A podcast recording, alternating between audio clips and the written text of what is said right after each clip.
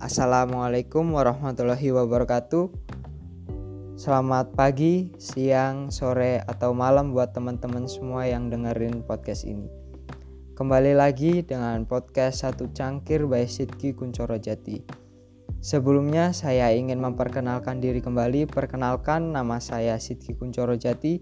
Saya adalah mahasiswa Ilmu Komunikasi Untidar 2019 NPM saya 1910202117. Dalam podcast ini, saya akan membahas tentang citizen journalism. Oke, baik. Sebelumnya, sebelum kita memasuk, memasuki pembahasan, saya harap teman-teman semua dalam keadaan rileks dan enjoy saat mendengarkan podcast ini. Baik, kita memasuki pembahasan yang pertama yaitu bagaimana posisi citizen journalism saat ini di dalam ranah media di Indonesia. Citizen journalism atau jurnalisme warga menekankan aspek participation, proximity, dan humanity.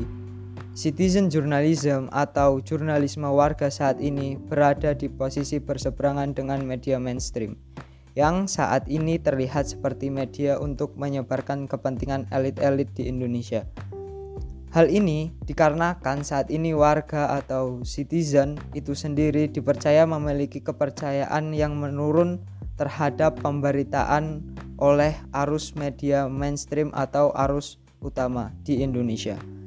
Citizen journalism juga saat ini dilihat sebagai kritik terhadap pemerintah dan pemberitaan-pemberitaan media mainstream yang hegemoni, di mana pemberitaan tersebut yang dimiliki oleh media mainstream dinilai saat ini seperti dikendalikan oleh satu kekuasaan sehingga pemberitaan yang ter yang keluar dari media mainstream relatif semua tidak ada yang berani memberikan alternatif berita kepada masyarakat. Di Indonesia sendiri, pemberitaan hegemoni atau pemberitaan seragam dapat kita lihat dari bagaimana media memberitakan satu topik yang serupa tanpa atau hanya memberikan sedikit alternatif pemberitaan kepada warga. Sehingga citizen journalism atau jurnalisme warga hadir di tengah warga untuk menjadi pemberitaan alternatif dari pemberitaan media-media mainstream yang saat ini ada di Indonesia. Oke, baik teman-teman, saat ini kita memasuki pembahasan yang kedua. Pembahasan yang kedua yaitu apa saja sih kriteria citizen journalism?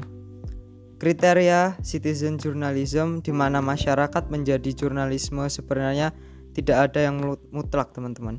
Namun menurut Thomas Herda selaku produser citizen journalisme di televisi Indonesia yaitu net media ada beberapa kriteria yaitu seperti truth, balance, independent, objektif, voice the voiceless, golden moment dan aktual teman-teman. Namun jurnalisme warga atau citizen journalism yang berkualitas hanya bisa dihasilkan apabila memenuhi kriteria-kriteria tertentu. Ada beberapa kriteria yang harus dipenuhi dalam jurnalisme warga ini, yaitu satu menarik, dua memiliki nilai berita yang tinggi, dan yang ketiga adalah aktual, di mana berita tersebut adalah berita terbaru. Selain itu, materi jurnalisme warga ini adalah berita yang belum diberitakan oleh media-media mainstream saat ini atau bisa kita sebut sebagai alternatif berita. Oke, baik teman-teman, saat ini kita memasuki pembahasan yang ketiga dari citizen journalism. Pembahasan ini adalah sa salah satu liputan jurnalisme warga atau citizen journalism yang beredar di tengah masyarakat dalam kurun waktu tiga bulan terakhir. Salah satu citizen journalism atau jurnalisme warga ini adalah berita atau pemberitaan tentang seorang calon penumpang bus putra remaja yang meninggal dunia setelah divaksin. Video berita ini diupload oleh akun TikTok @new033. Dalam video TikTok tersebut, beliau meninggal dikarenakan di pagi hari beliau melakukan vaksin. Kemudian dia akan bepergian menuju Lampung dan meninggal sore hari di PO Bus Putra Remaja. Kejadian ini terjadi pada hari Rabu tanggal 23 Juni 2021. Oke, teman-teman, terima kasih untuk yang sudah mendengarkan podcast dari saya. Semoga teman-teman tetap diberikan kesehatan dan enjoy dalam menjalankan hari teman-teman.